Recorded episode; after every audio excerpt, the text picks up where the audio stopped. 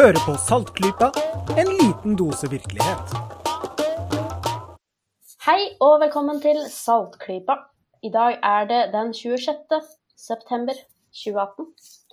Og vi har kommet til episode 173. Jeg heter Kristin, og jeg har med meg Lisha i dag. Hallo, hallo. Og jeg har med meg Jørgen. God dag, godt folk. Og Bendik. Jeg sitter borti hjørnet her borte. Fantastisk. Det er blitt det er en liten stund siden vi har tatt opp episode, vi da. Fant vi ut. Ja, det er vel omtrent en måned Ja. Fordi eh, vi har jo prøvd å gå over til prinsippet at eh, heller en, eh, en god episode enn fire litt sånn halvveis. Det Er ikke det som er blitt vårt Mm. nye motto? Jo, etter hvert så håper vi jo at det heller blir fire gode, men uh, av og til så har eh, verden vært litt for travel, og da har vi heller prioritert å vente til vi hadde en Ja. god episode. Travelhet skjer Ja. også.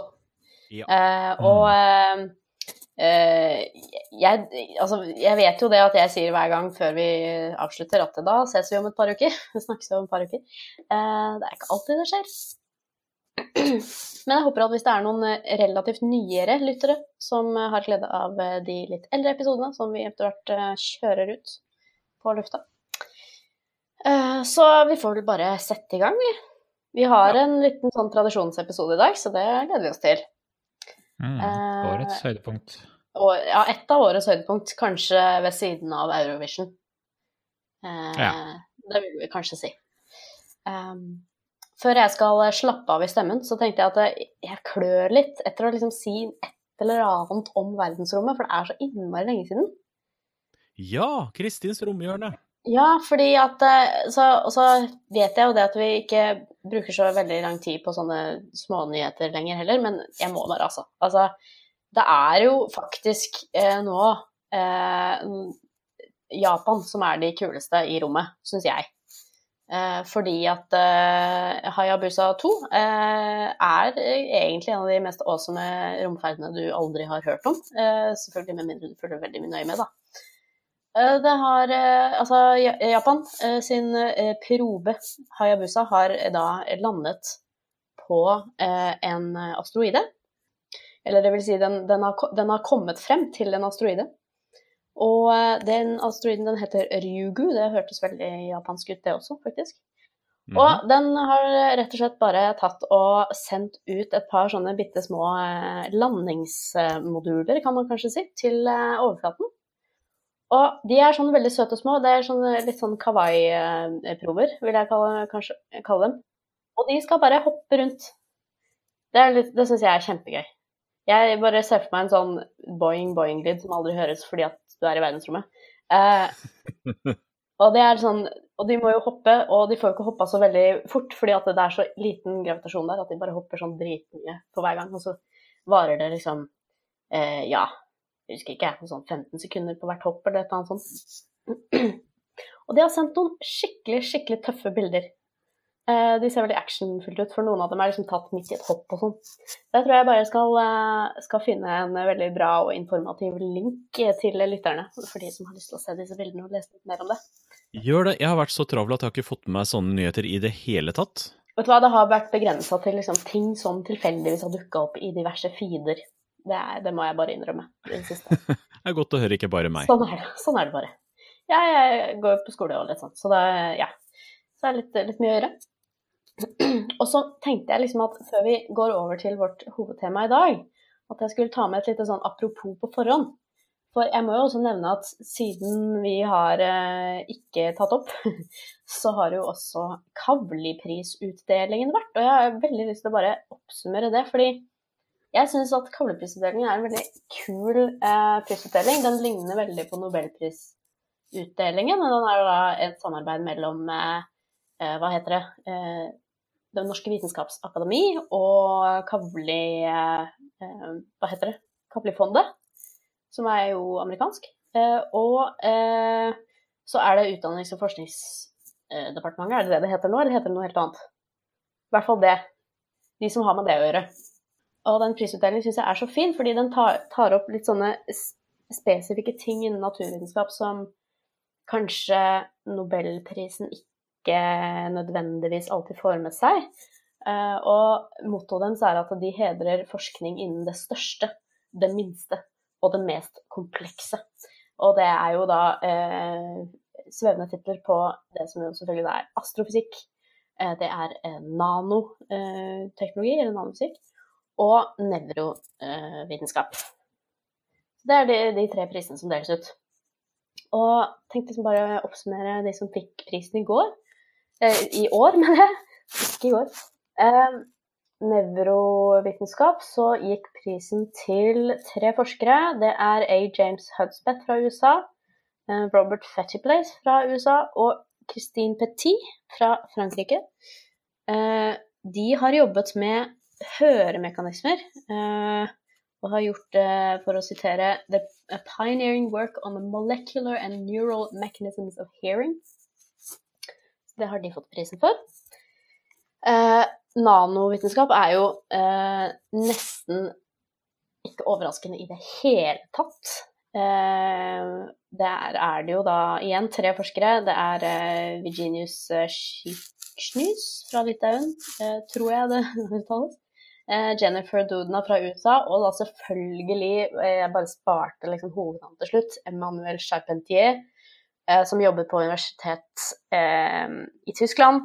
Og det er jo da selvfølgelig spesielt av henne, som har oppfunnet rett og slett CRISPR-Cas9-teknologien. Ah. Det er jo nesten altså, fem episoder av Saltklypa i seg selv, hvis vi gjør det. Jeg har så lyst til å snakke om dette en gang. Det er jo så kult. Eh, veldig, veldig eh, Altså, det er liksom Ja, hvis eh, hvis GMO er teppebombing, så er liksom CRISPR det er liksom pinsett. Altså, det er jo et sånn veldig presist nanoverktøy for å eh, ja, redigere DNA eh, med kirurgisk presisjon. Og det har jo da allerede begynt å lage diverse revolusjoner da, innenfor veldig mange forskjellige områder.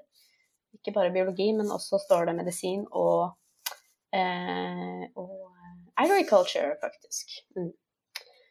Så det er jo uh, igjen Altså, vi, må, vi, må, vi er nødt for å finne noen smarte mennesker og uh, snakke om det en gang. Og jeg var jo så heldig å være på Vitenskapsakademiet uh, i Oslo når Emanuel Chapetier var og holdt foredrag. Jeg må jeg er litt stolt av det. Det var kø ut døra, og det var veldig mange som ikke kom inn. Hmm. For det var allerede da liksom altså Det var en sånn Hun må vi få med oss. Det er helt sikkert en, får en eller annen pris veldig, veldig, veldig snart. Det fikk hun jo. Uh, sist, men ikke minst, har vi selvfølgelig da astrofysikk.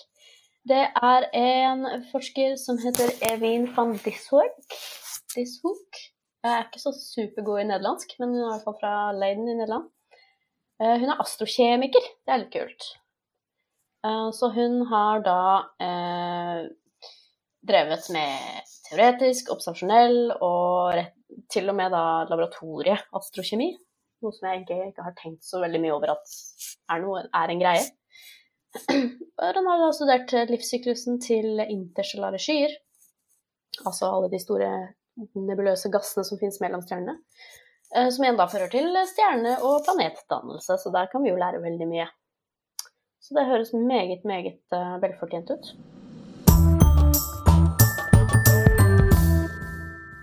Men folkens Ja. Kavliprisen er vel og bra. Men vet, vi vet jo alle at det er en, ting vi, en prisutdeling vi bryr oss eh, langt mer om her i Saltklypa. Oh, ja, det er det. Det er det. Eh, så jeg tenker vi legger de fancy prisene eh, vekk for nå, og lar Bendik introdusere litt for oss. Prøver du å insinuere at min, mitt, min pris her nå ikke er fancy? Altså, Ig Nobelprisene er jo virkelig årets høydepunktet, og det er offisielt, for det har bladet Nature sagt. Da, da må du virkelig, virkelig rette på meg, for det, det, var en, mhm. det, var en, glipp av de store. Så for de som uh, ikke har hørt på oss uh, siden i fjor uh, Ig Nobelprisen deles ut hvert år i, eh, i den første Ig Nobel-seremonien. til forskning og vitenskap som gjør at du først ler, og så går du litt sånn hm, ja Hmm. Eh, vi, vi, vi liker den litt fordi det er litt sånn der teit forskning, men så når man tenker litt på det, så er det nyttig forskning også.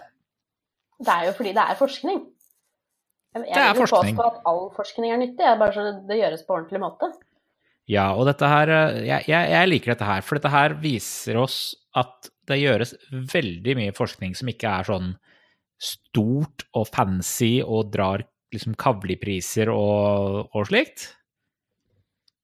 Og at, eh, at liksom selv selv liksom det, ditt lille hobbyprosjekt på universitetet som eh, er bare doktorgraden din, liksom, det, det er, nyttig. Det kan bygges videre på, og man kan eh, lære av det. Ja, og jeg vil også gjerne påpeke at noen ganger så er det jo sånn at man kan ikke vite om det er noe nyttig før man har gjort forskningen.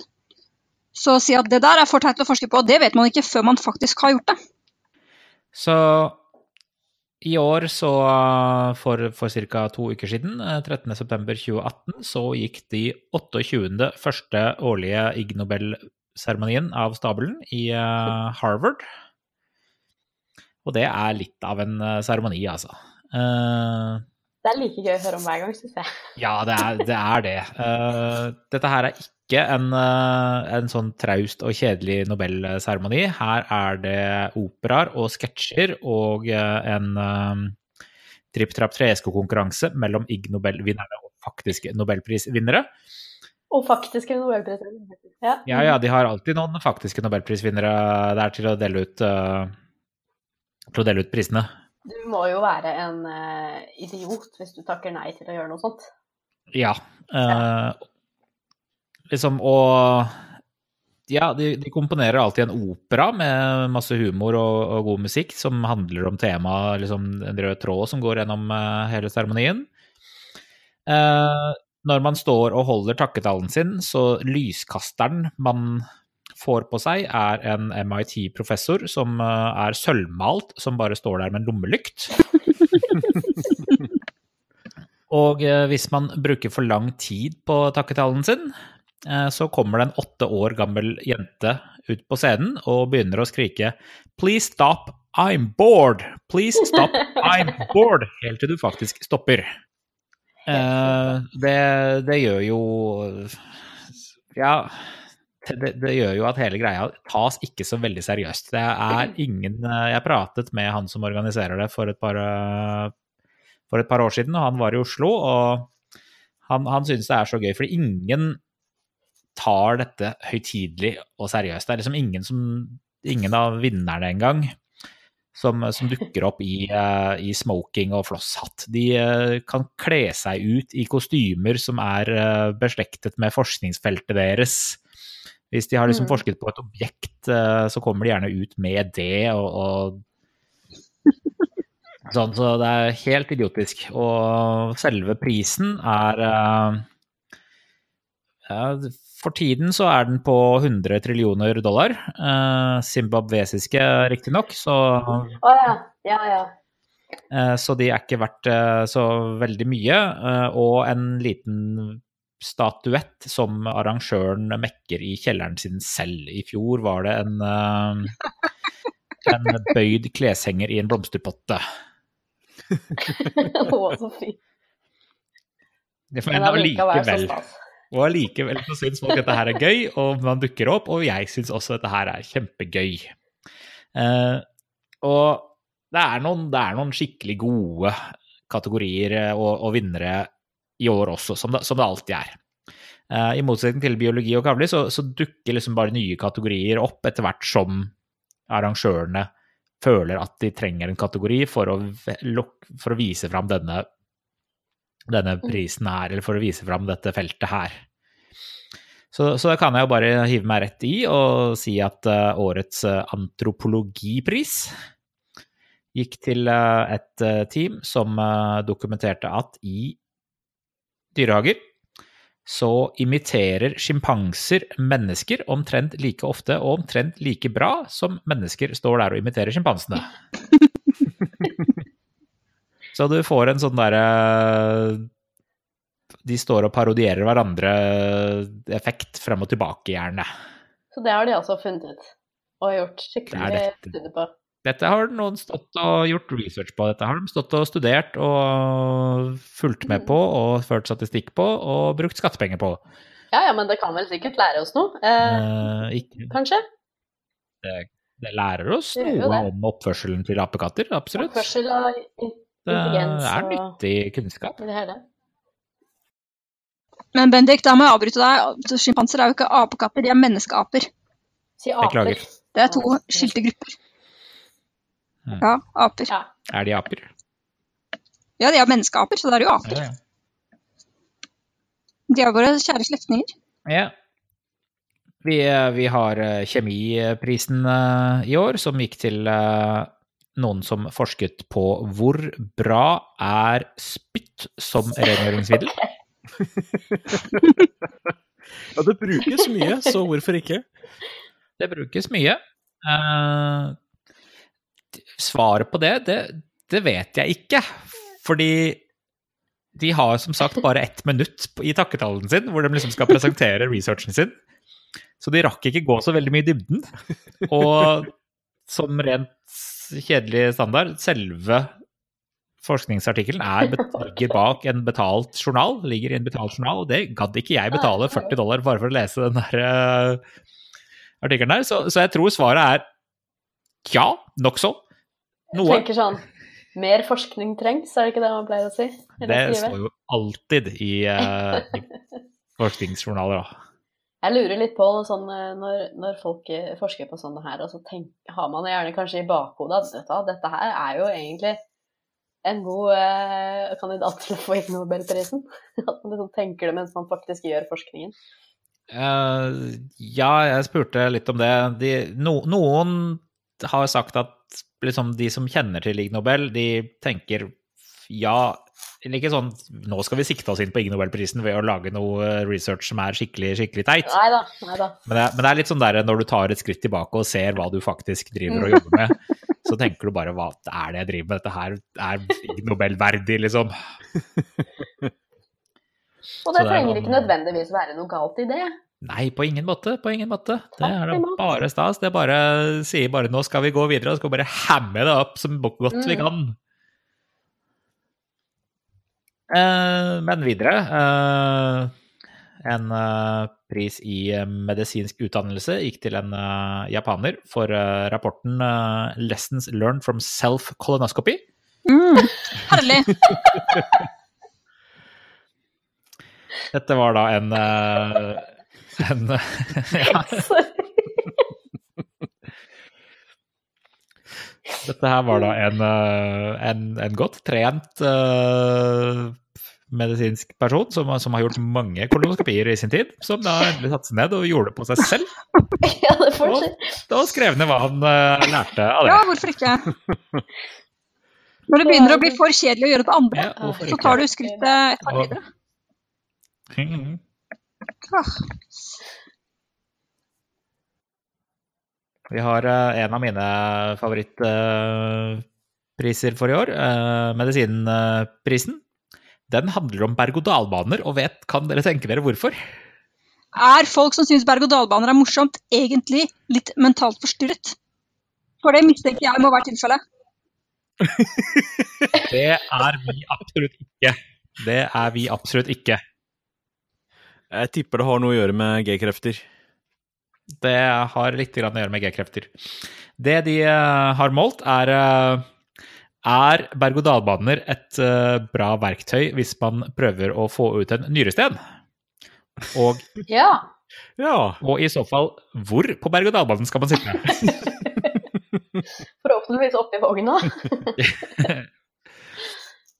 Fordi sånne berg-og-dal-banefans slik som meg, vi vet jo eh, at det er en stor forskjell på å sitte forrest, i midten og bakerst på en berg-og-dal-bane. Du får helt forskjellige opplevelser, sånn at uh, enhver berg-og-dal-bane må jo tas minst tre ganger bare for å få, de, uh, for å få den fulle opplevelsen. Uh, men da fant de ut ja, berg-og-dal-bane er et, et godt verktøy når man er i de siste fasene av å få ut en nyresten. Og da lønner det seg å sitte bakerst. Ja. Ok, Hvor mange folk med vanvittige smerter har de satt oppi den vogna? og Hvor mange runder har de plaga dem gjennom? ja, Vi lover, du. Du får et dagspass på 1000, vi lover. Ja. Så, så Oslo, Universitets, Oslo universitetssykehus, ta, ta notis her. Det er dagspass på Tusenfryd. Det er en god behandlingsform. Jiha. Eh, videre så går eh, biologiprisen til eh, et forskerteam som handler om vinkjennere. Og, jeg pleier jo å gi vinkjennere, eller selvutnevnte vinkjennere, ganske mye diss og slack, egentlig. Ja. Jeg synes at de er stort sett pretensiøse folk som bare finner på ting underveis. Og vi har jo ofte pratet om, eller i tidligere episoder nevnt at en billig vin i en dyr flaske vil oppleves som eh, bedre, ha en bedre smak enn en dyr vin i en billig flaske, videre. Men her har de faktisk litt, grann, litt grann statistikk bak det, så da må vi jo anta at dette her er eh, proper science. Eh, og det de da har eh, etablert, er at vineksperter kan eh, ganske pålitelig, med kun luktesansen, identifisere om det ligger én bananflue oppi vinglasset ditt. Å hei! Det var En eneste bananflue som eh, Og men, men kun de kvinnelige, for de avgir et, eh, et feromon, eller et, eh, en lukt, som, Ja. som de kan plukke opp. De, de vanlige fru- bananfluene gjør ikke det. Aha. Men, eh, men da deres eh, vinkjennere klarte da å plukke opp eh, lukten av en bananflue i et vinglass. Det er ikke verst. Ja, altså, jeg, jeg tviler jo ikke på at det finnes mennesker som har sublim luktesans og kan skille mellom smaker og sånne ting. Det, men det er jo selvfølgelig det, sånn, da, som du sa i stad, Bendik, at det er en ganske stor faktor, dette med de andre sansene, som ofte lurer oss. Mm. Mm. Og den, eh, den kan nok ha veldig mye å si. Og det er veldig mye ublindet eh, smaking i vinverden. Ja. Jeg tror ikke vin, vinsmakere har for vane å liksom leie inn uavhengige personer som går og gir dem et beger merket A og B og sånn, og så sitter med bind for øynene. To be fair, okay. når vi, når vi skulle tatt opp uh, forrige episode, så var jeg i Frankrike på et uh, vinluktekurs, så, ja. uh, og der var jeg visstnok veldig, veldig flink, så, så hvem vet? Ingen fluer, eller? Det var heldigvis ingen fluer i, i glasset mitt der. Som du vet om. Det kan ha vært noen hannfluer. Ja. Det Ja, kan det- ha vært noen hannfluer. Det, det kan det ha vært. Skjønt de vil lese. Ja. eh, vi har eh, ernæringsprisen. Den handler om kannibalisme. Ja, Selvfølgelig. Eh, Dette her er en kalkulert rapport, og ikke en eh, målt rapport, men de har da kalkulert at uh, menneskekannibalisme er egentlig ganske kalorifattig. Så okay. hvis man eh, Så at det er ikke en effektiv eh, en effektiv uh, diett. Nei, eh, jeg vet ikke om jeg tør å spørre hvordan de har gått frem, men eh, det er vel et resultat, da. Ja, det Ja, nå ble jeg veldig nysgjerrig. Altså, Hvordan har de kalkulert det? Da tror jeg du må spørre noen som kan litt mer om, eh, om ernæring enn meg. Eh, vi får sende den her videre til Erik Arnesen, så kanskje han kan svare for oss. Eh, for jeg forsto ikke så veldig mye av selve, selve rapporten ok. Vi får fordype oss. selv. Men ja, de, eh, de kom i hvert fall fram til at uh, en kannibalistisk uh, kosthold har mm, atskillig lavere kaloritetthet enn uh, et uh, konvensjonelt, hvor du spiser andre dyr. La oss håpe at dette var en teoretisk studie, ja Ja, det var det. og ikke en observasjonell. Det var ikke en observasjonell. De prøvde å basere seg på, på kostholdet i, i pre-steinalder og slikt, hvor slikt kunne skjedd. Ja, Som true crime-fantast så vet jeg jo at uh, Mm. det skjer jo fortsatt i våre dager. Uh, men forhåpentligvis ikke så ofte. Mm. Ja. Jo, jo. Vi kan gå videre til årets litteraturpris. som eh, gikk til et team som etablerte at folk leser ikke bruksanvisninger. Og det kom vel ikke som en bombe for noen som helst. Nei, det ville jeg ikke trengt forskning for å falle for. Jeg er unntaket. Jeg er faktisk en av de raringene som liker å lese bruksanvisninger, men, eh, men jeg vet at jeg er et unntak. Ja, du er litt Ja. rar. Især, eh, især for eh, kompliserte produkter, eh, slik som smarttelefoner og andre avanserte datasystemer. Folk leser ikke bruksanvisninger og heller knoter seg fram til riktig resultat. Er det altså sånn at jo mer avansert produktet er, jo mindre tilbøyelig er folk til å lese bruksanvisningen? Ja. Det, det, det stemmer ganske bra.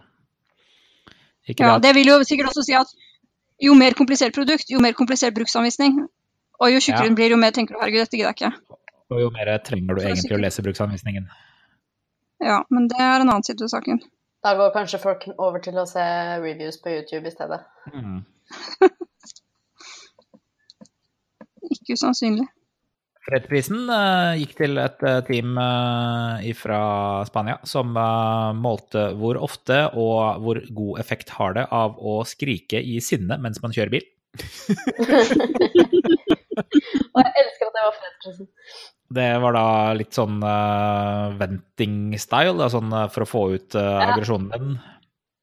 Uh, men eh, de kom fram til at eh, det skjer jo oftere når man allerede er sliten eller er på tuppa fra et eller annet, at man eh, da sitter og skriker. Så da hjelper det egentlig ikke så mye. Fordi da, da er du allerede på 100. Mm. Og, og da selv i Spania, hvor folk eh, kjører som gærninger. Liker å være litt mer sånn eh, Si litt sånn veldig sånn sarkastisk passiv-aggressive setninger i bilen. Det hjelper også meg, i hvert fall. Å ja, du skulle gjøre sånn, du, ja. Ja, men blinking er jo for pysete som ting. Dette høres mer kjent ut, ja. Men vil det si at da burde man egentlig begynne å skrike og bære seg mye tidligere? Du burde. Akkurat som at du bør drikke når du er føler at du er tørst, så er det egentlig for seint. Da skulle du allerede ha drukket. Når du er så sint på andre bilister at du bare vil skrike, da er det for seint. Da skulle du allerede begynt å skrike. Ja, selve, skri selve Er det skrikingen det, er, jo mer et symptom da, i stedet for en, eh, en, en kur. Ok. Skjønner. Så de forsker ikke på om det kunne vært en kur hvis man tok det i bruk på et korrekt tidspunkt? Ja, det er, det er jo ikke en kur, uh, egentlig. For de fleste. Det er et symptom.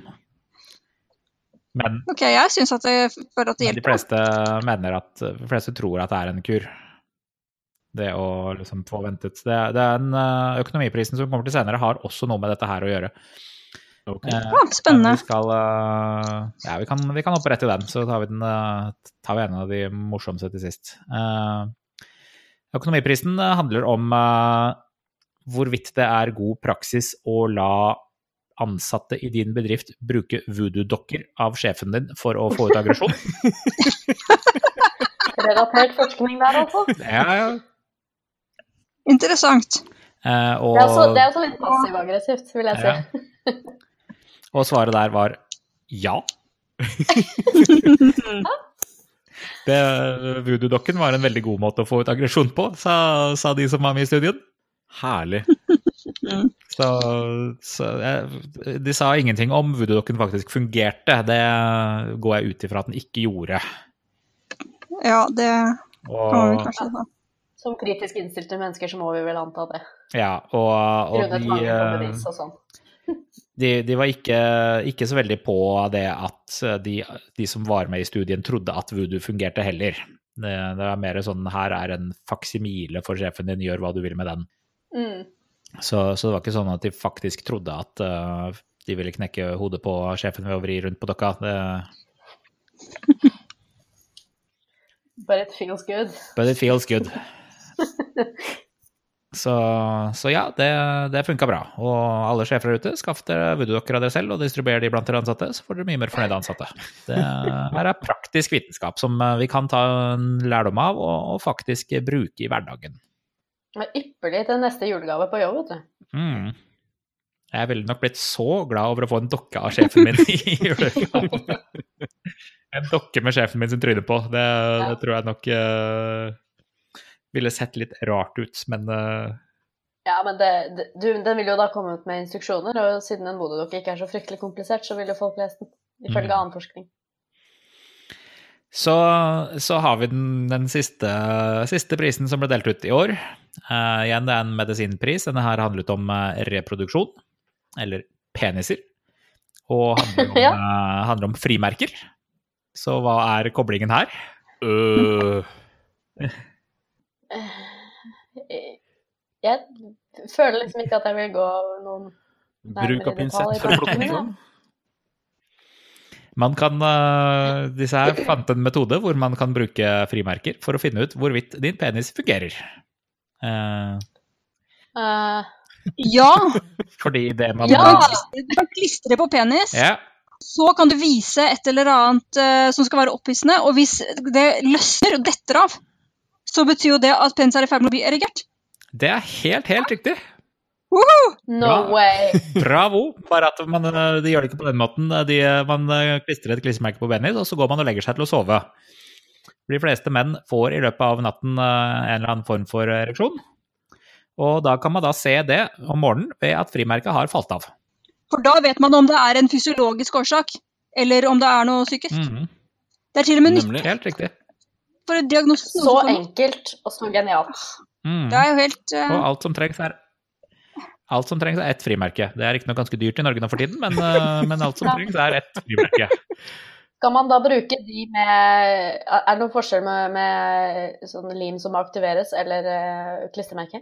Eh, ja. Eh, Ja. Et klistremerke vil jo kunne feste seg selv igjen etterpå. Ja. Så, Ja, det så du må ha et ekte, godt gammelt eh, sleike på for å feste på eh, frimerket, for det kan bare festes på én gang. Ja, det med godt gammelt ja, tror jeg kanskje er eh, et poeng her, for jeg ser at denne artikkelen faktisk er fra 1980. Det stemmer. det blir gammel teknologi, kanskje ikke funker lenger med moderne frimerker.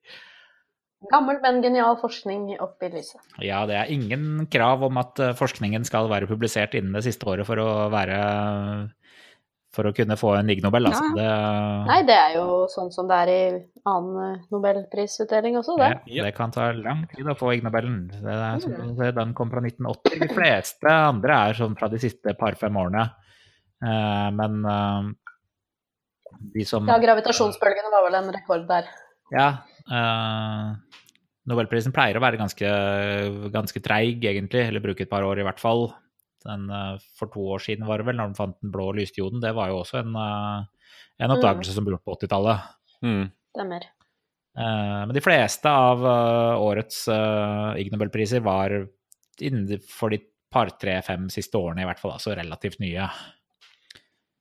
Men eh, som, som du har observert, den der, der, den var fra 1980, så den ville kanskje ikke blitt gjort i dag, siden nå har vi stort sett ikke de gode, gamle frimerkene lenger. Jeg har litt lyst til å komme med et tillegg til den siste frimerket på penis-saken. Jeg. jeg har nemlig hørt eh, litt på en eh, episode av eh, Ekko på NRK P2 om eh, Ig Nobelprisene. Og Der var det Steinar Madsen som svært flirende fortalte om eh, dette her. Han er jo lege. Og ifølge han Mhm. så eh, er dette eh, trikset med frimerker etter hvert blitt godt kjent og er i bruk, og er noe nye legestudenter blir opplært i. Sier du det? Så kult. Fordi det er sånn generelt Ja, men- eh, problem, det med ereksjon, å få orden på det. Og det er et veldig enkelt og greit triks som er, er lett å utføre. Ja. Der kan man se. Og nå har det blitt etablert vitenskap. Yep. ja. Og nå har de endelig blitt anerkjent for eh, sin, uh, sitt bidrag til vitenskapen og medisinen også. Via eh, lyskastere med, med sølvmenn og Mm. små jenter som kommer og maser når det blir ikke for lang tid. Ja, men uh, ta, ta og se på disse Ig Nobel-seremoniene. Alle sammen ligger ute på improbable.com. De har uh, tatt opp og, og streama dem hvert eneste år som uh, de har hatt en seremoni. Eh, og den den seremonien er to timer lang cirka, og er egentlig veldig morsom. Veldig teit og veldig morsom. Der har vi noe til helgen, folkens. Mm.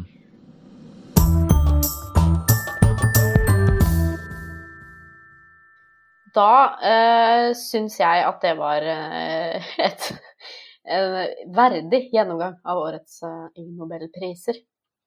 Og så må jeg si at jeg tror jeg glemte et veldig eh, kult tilleggspoeng, hvis jeg får lov å komme med det, Mm. angående asteroidehopperne og denne sonden som sendte dem ut eh, i eh, den japanske proven. Den proven som har sendt ut disse små hopperne, skal jo selvfølgelig da selv lande på asteroiden senere. Og ikke bare det, den skal også ta med prøver tilbake til jorden. Oh. Oh, Det er jo veldig viktig, da. ja, det er jo Jeg tenkte bare jeg skulle nevne det. Ja, et lite addendum der, altså. spennende. Nok om det, og nok om eh, Ig Nobel. Har vi da på tampen noen anbefalinger? Ja, det har vi vel. Uh, For eksempel, uh, Jørgen, du har ikke noen uh, podkast-anbefalinger, har du det? Nei, jeg har vel ikke Jo, men forresten, jeg har en podkastanbefaling. Jøsse ba. Eh, en del måneder siden så anbefalte jeg en svensk podkast som heter Radio Howdy, eh, fordi de tok slutt. De ga opp. Eller slutta. Eh, og de har eh, vært litt viktige for meg, så jeg ville hedre dem med å eh, ta opp tråden igjen og, og lenke til dem osv. Og, så og nå skal jeg gjøre det samme igjen med nok en ny svensk podkast som legger inn årene. Har lagt inn årene. og Det er podkasten Kvakk. Det skrives av KVACK utropstegn med undertittel eh, eh, 'Nyheter på skeptiska'.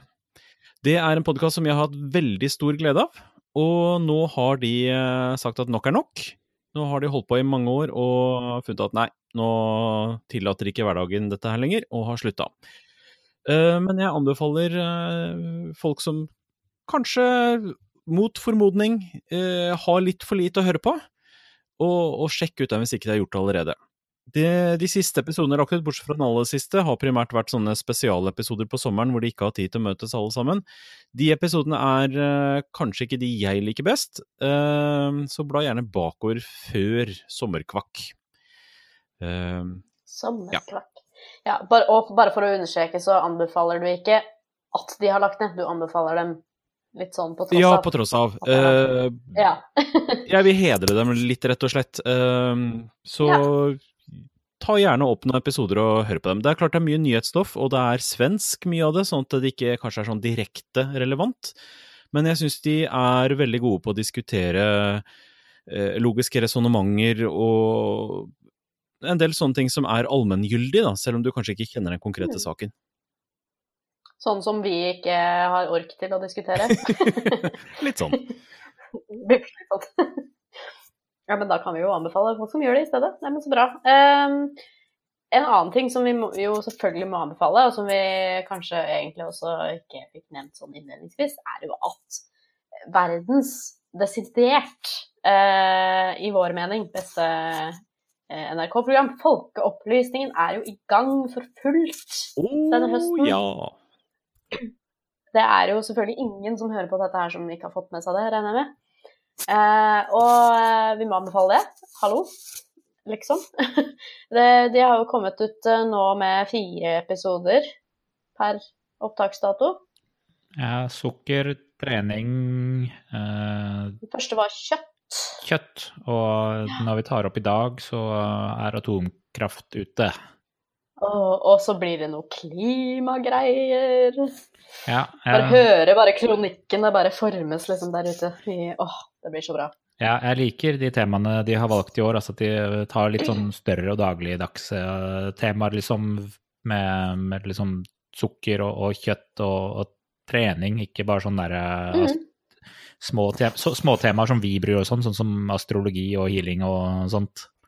Og så har de gitt seg på mer komplekse temaer som ikke har så klare rett og galt svar. Og det, det er imponerende i hvilken grad de klarer å, å framstille det på en god måte, altså. Jeg syns de er kjempeflinke. Mm. Jeg hørte på eh, en av de siste episodene av Dialogisk. Eh, selvfølgelig må man jo høre på den. Det er jo eh, vår kjære eksmedlem Gunnar og Dag Sørås eh, sin fantastiske podkast. Eh, og der hadde de da programleder i Folkeopplysningen Andreas Wahl, som også er eksmedlem av Saltgruppa. Eh, som snakker litt om denne, annet denne kjøttepisoden da, som de hadde lagt ut. Og, han nevnte det at det var morsomt å se eh, reaksjonene fra håper si, begge sider av kjøttdebatten. At eh, de som er, eh, kanskje har litt interesser i kjøttindustri, eller de som spiser mye kjøtt og sånn, de syns det var litt for slemt. Eh, liksom sånn den veien mot, mot dem, da. Mens de som eh, var vegetarianere og sånn, syntes liksom var sånn de, de kom til en helt annen konklusjon om hvordan de hadde behandlet programmet. Så det, det er en morsom, eh, morsom samtale. Eh, så vi kan jo lenke til den episoden nå. Vi liker å anbefale podkaster her i Saltgruppa. Ja, nei, men det er- De har også nylig hatt en shout-out til oss. Var det kanskje samme episoden? Så Det var samme episoden. Jeg ble varm om hjerterota at Gunnar eh, hadde en liten mimring med Andreas der om eh, Saltgruppas aller tidligste dager. For det var jo, det var jo de, blant annet, eh, som eh, drev og grublet over om ikke det skulle, de skulle lage en podkast. Ja, det er jo en av våre Så- siste arkivepisoder som vi har lagt ut også, er jo nettopp den episoden hvor eh, Da var ikke jeg med, men hvor dere hadde besøk av Dag Sørås. Så da var jo eh, både Ja. Altså, og, og Tjomli og, og Ja, alle var der på en gang. På Saltklypa Ja. først. På Saltklypa først. Så det går i eh, sirkler og spiraler her, altså. Det, det er veldig morsomt. Alt henger sammen. Veldig morsomt. Ja. Eh, og så var det noen som nevnte denne her eh, episoden om Ig Nobelprisene på Ekko. Ja, den Den kan vi jo også Jeg vil gjerne anbefale. den rett og slett fordi når lege Steinar Madsen uh, forteller om disse tingene, så er han så lattermild at det er helt uunngåelig å flire med. Så uh, lytt gjerne på den. Ah, så bra. Masse anbefalinger, men det er bra. Da har vi litt å gjøre. Kanskje, kanskje vi eh, har eh, ganske kjapt kommer opp med en ny episode her. Eh, men hvis det skulle bli litt manko fremover, sånn som det har blitt nå, så har dere noen anbefalinger å kose dere med. Ja. Skal vi si det var eh, Det Ja. var det, da. Ja, jeg tror det. Ja. Det var en bra, bra liten gjennomgang av Ig Nobelprisen. Ja, meget det, bra. Bendik. Det er alltid så gøy. Ja. Så eh, da tenker jeg vi sier ha det, og eh, snakkes når vi snakkes. Er ikke det greie? grei? Vi sier Vi gjør det. Jo, Tror vi tar den, ja. vi gjør det. OK, da gjenstår det bare å si ha det. Ja, da. Saltklypa lages av Kristin Lisha, Jørgen og Bendik. Har du spørsmål, anbefalinger, ris eller ros, send det til post at saltklypa.no, eller finn oss på Facebook. Lenker til alt vi har snakket om i episoden finner du på saltklypa.no, hvor du også kan abonnere på podkasten for å få hver episode levert på døra helt gratis. Takk til Smart 9000 fra Evig poesi som har laget kjenningsmelodien.